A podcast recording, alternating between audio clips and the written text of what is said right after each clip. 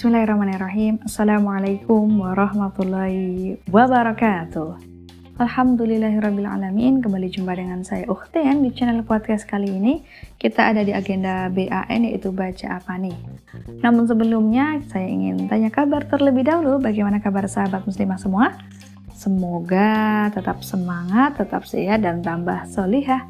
Semoga hari ini menjadi hari yang lebih baik daripada hari kemarin dan semoga hari esok menjadi hari yang lebih baik daripada hari ini. Baik sahabat muslimah semua, kali ini kita akan membacakan tulisan dari merdeka.com ya dengan judul Cerita Jenaka adalah kisah rakyat yang lucu dan menghibur. Berikut contohnya. Bagi sebagian orang, membaca sebuah cerita menjadi sebuah kegiatan pengisi waktu luang yang tidak akan pernah membosankan. Bagaimana tidak?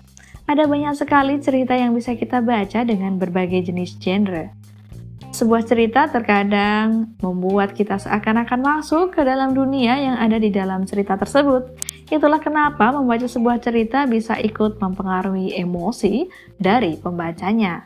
Maka dari itu, ketika Anda sedang banyak pikiran atau memiliki suasana hati yang tidak baik, cobalah membaca cerita jenaka. Cerita jenaka adalah bagian dari cerita rakyat yang memiliki unsur jenaka atau lucu yang dapat membangkitkan tawa pembacanya. Dalam Kamus Besar Bahasa Indonesia atau KBBI, cerita jenaka adalah cerita penghibur yang membangkitkan tawa, jenaka, keriangan, atau sindiran. Cerita jenaka ini biasanya didasarkan pada kehidupan masyarakat sehari-hari.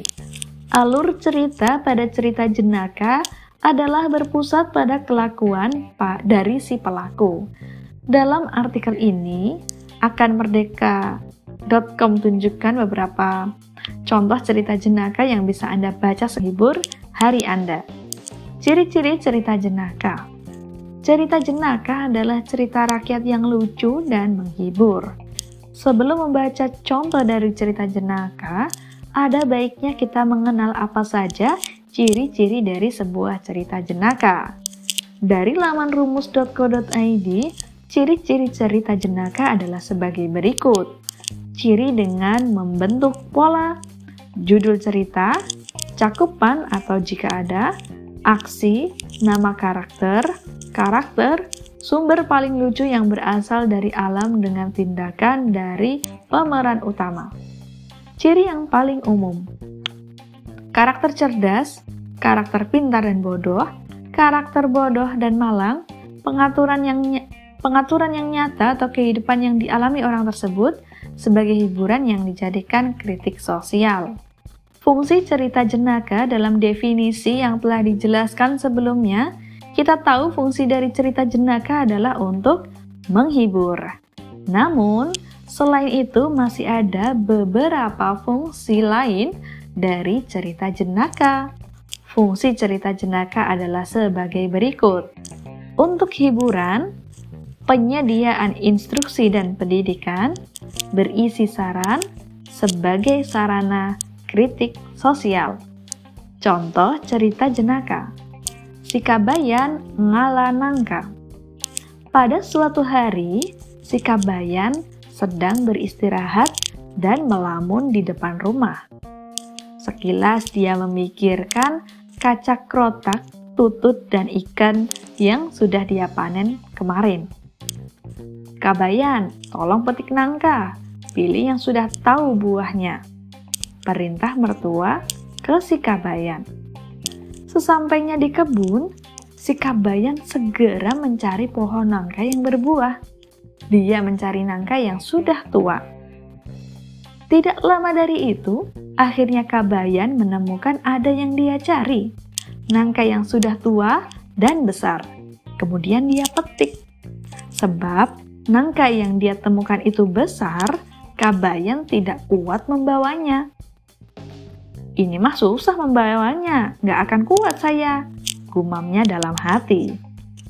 Bagaimana cara membawanya ya? Ucapnya lagi.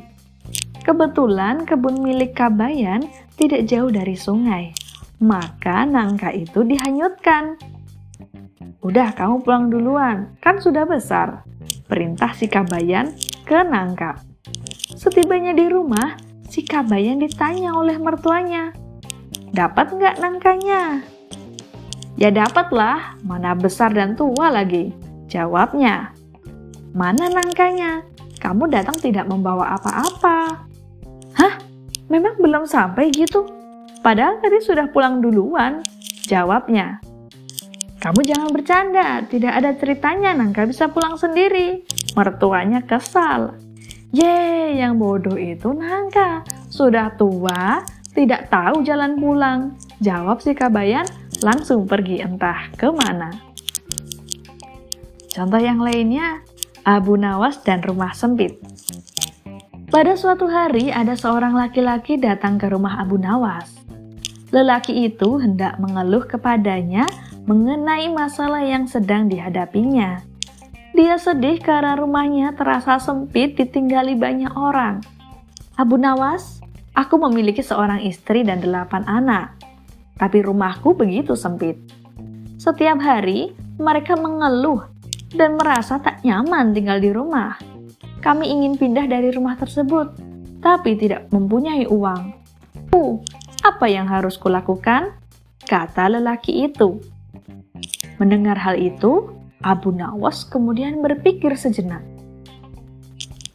Tak lama kemudian, tak berapa lama, sebuah ide terlintas di kepalanya. Kamu mempunyai domba di rumah? Tanya Abu Nawas padanya. Aku tak menaiki domba, jadi aku tak memilikinya. Jawabnya. Setelah mendengar jawabannya, dia meminta lelaki tersebut untuk membeli sebuah domba dan menyuruhnya untuk menaruh di rumah. Pria itu kemudian menuruti usul Abu Nawas dan kemudian pergi membeli seekor domba.